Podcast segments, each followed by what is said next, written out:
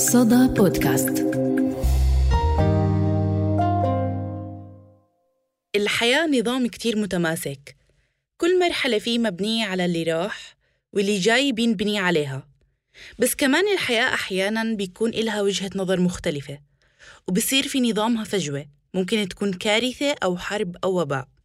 بتأثر فينا وبتخلينا نعيد كل حساباتنا.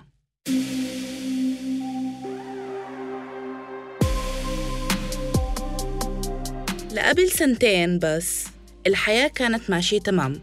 كنا غرقانين في روتين الحياة اليومي وأزماتها الاعتيادية. نفس المسارات المألوفة. من غير أي تصور مستقبلي لشي ممكن يغير هالتصورات. كل هذا خلانا نفكر نقدم لكم سلسلة حلقات بودكاست نحكي لكم فيها عن الحياة بعد الكورونا في مجال العمل. شو كسبنا؟ وشو كنا نعمل؟ وشو صرنا نعمل؟ وكيف صار شكل أيامنا شغلنا دراستنا وحياتنا. الكورونا مش بس أثرت على موظفين القطاع الخاص حتى على اللي فتحوا مشاريع جديدة وكانوا حاطين رأس مال حتى لو صغير في هاي الشركات وعاملين جدوى اقتصادية انقلبت كل خططهم زي صفاء. صفاء شابة بآخر الثلاثينات متزوجة وعندها ولدين وفي كمان بيبي جاي على الطريق. مخلصة جامعة تخصص إدارة مشاريع. صفاء كتير بتحب عائلتها وكتير بتهتم بحالها ومبدأها بالحياة هو التطور الدائم.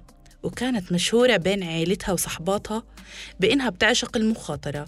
وهي كانت ترد عليهم دايما إنه لولا المخاطرة الإنسان ما بيتطور. صفاء كانت تشتغل بشركة خاصة متخصصة بالإعلانات والدعاية. بس صفاء بتعتبر إنه عملها هذا بحد من طموحها وما بيلبي شغفها في تخصصها. وبعد عشر سنوات عمل قررت إنها تفتح مشروعها الخاص اللي كانت تحلم فيه من زمان. هو عبارة عن مشروع لدعم التراث الأردني من خلال بيع الملابس المطرزة بشكل تراثي. أيضاً من خلال بيع القطع الفنية اللي بتعطي صورة عن مدى الحضارة التاريخية في الأردن.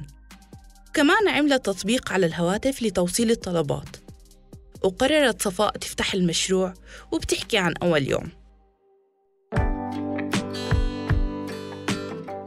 اليوم هو أكتر يوم مميز بحياتي. جهزت قهوتي المعتادة وعم أشربها على مهلي. لأول مرة شبح البصمة والتأخير ما بيطاردوني بخلوني أفقد تفاصيل الصبح. فتحت الشباك صوت العصافير وزوامير السيارات. راقبت الناس عم تركض مستعجلة مشان تلحق دواماتها. السيارات مسرعة الصغار حاملين شنات المدرسة ولسه مش قادرين يفتحوا عيونهم.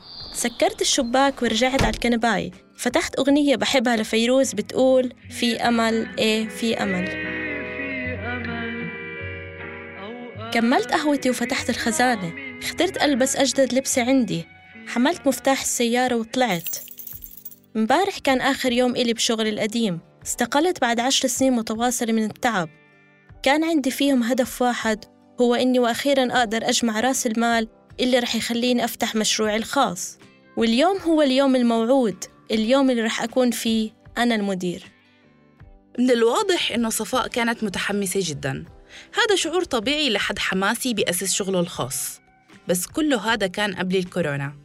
لما دخلت الكورونا الموضوع اختلف. وعن هاي الفترة بتحكي صفاء. مرقوا أول خمس شهور حلوين. صحيح الشغل في بدايته صعب. أنت داخل بخبرة قليلة وتجربة شبه معدومة. عملت دراسة جدوى وعملت خطة بس كمان المنافسة كتير قاسية السوق ما برحم شركات التوصيل كتيرة كلها إلها أسماء وحضور. بس ما اهتميت لكل هاد كنت عم أكبر على مهلي مثل ما بحب أعمل كل شي على مهلي. مر وقت كنت فيه مستغربة من الأخبار واضح إنه موضوع فيروس كورونا عم يقلب جد. حظر كلي وتصريح عمل ليه فجأة صارت الأمور أصعب؟ كباتن التوصيل عندي لازمهم تصاريح والموضوع مش سهل أحيانا بيحتاج وقت وأحيانا بيحتاج واسطة. الناس خايفة والموظفين نفسهم عم يتركوا الشغل.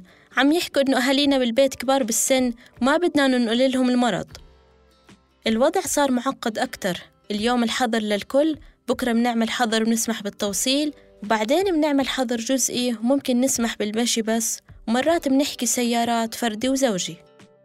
الحياة خربطت فجأة. بطلت تقدر تتنبأ شو ممكن يصير معك.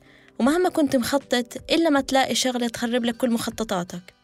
بعد خمس شهور لسه مش قادرة أحقق أرباح. بديت أشعر باليأس. الفلوس بالبنك قربت تخلص. مش لاقي فلوس أدفع رواتب الموظفين. لازم أدفع أجار الشقة ولازم أدفع الترخيص. عندي ولدين والثالث على الطريق. البيت طلباته ما بتخلص.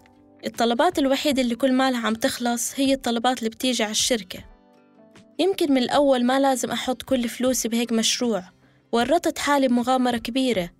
كان لازم أفكر مرة ومرتين وعشرة قبل ما أخذ هالخطوة. ما بعرف الأيام لوين رح توديني. خايفة من الفشل ومن إني أخسر كل شي. لسه الناس حوالي عم تقنعني أسكر الشركة. أحيانا بحس حالي بضعف. وأحيانا بفكر إني لازم أطلع برأس المال. بس برجع وبطلع على الموظفين اللي ضلوا معي وبفكر شو ذنبهم قاطع برزقتهم. اليوم بعد سنتين من كورونا بديت أفكر بتوسيع مشروعي. بطلع محافظات تانية أدخلها وأفتح فيها فروع قريباً. متوترة بس لسه عندي حماس أكمل بهالطريق. فترة كورونا ما كانت أبداً سهلة علي. خسرت كتير مصاري وخسرت شعوري بالأمان بكتير من اللحظات. حتى صحتي صارت بالنازل من كتر الضغط والإرهاق.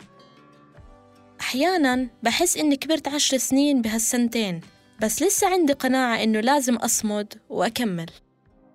يمكن منلاحظ إن الوضع للمؤسسات الناشئة ما كان في دعم بشكل منظم من قبل الحكومة. وهذا أدى إلى ضياع البوصلة للشخص اللي فاتح المشروع وكمان للموظفين. لفت نظرنا تقرير طلع في 2020 من تقرير جديد لمنظمة العمل الدولية. بيحكي إنه من المتوقع أن يشهد العالم تقليص في الوظائف لنحو 200 مليون من الموظفين بدوام كامل. التقرير بضيف إنه العاملين في أربع قطاعات هم الأكثر تأثراً بسبب المرض وتراجع الإنتاج. قطاع الغذاء والفنادق 144 مليون عامل. قطاع البيع بالجملة والتجزئة 582 مليون. قطاع خدمات الأعمال والإدارة 157 مليون. وقطاع التصنيع 463 مليون. مدير منظمة العمل حكى إنه جميع هاي القطاعات بتشكل ما نسبته 37.5% من التوظيف العالمي. وبيشعر العاملين في هاي القطاعات أكثر من غيرهم بحدة تأثير الجائحة عليهم. تأثير كورونا لسه مستمر على بعض القطاعات وكتير واضح إنه كورونا ساهمت في تدمير الشركات الجديدة وهو اللي ساهم في إنه الشركات الكبيرة تصير وحيدة بدون تنافس. هذا أكيد رح يأثر على المستهلك.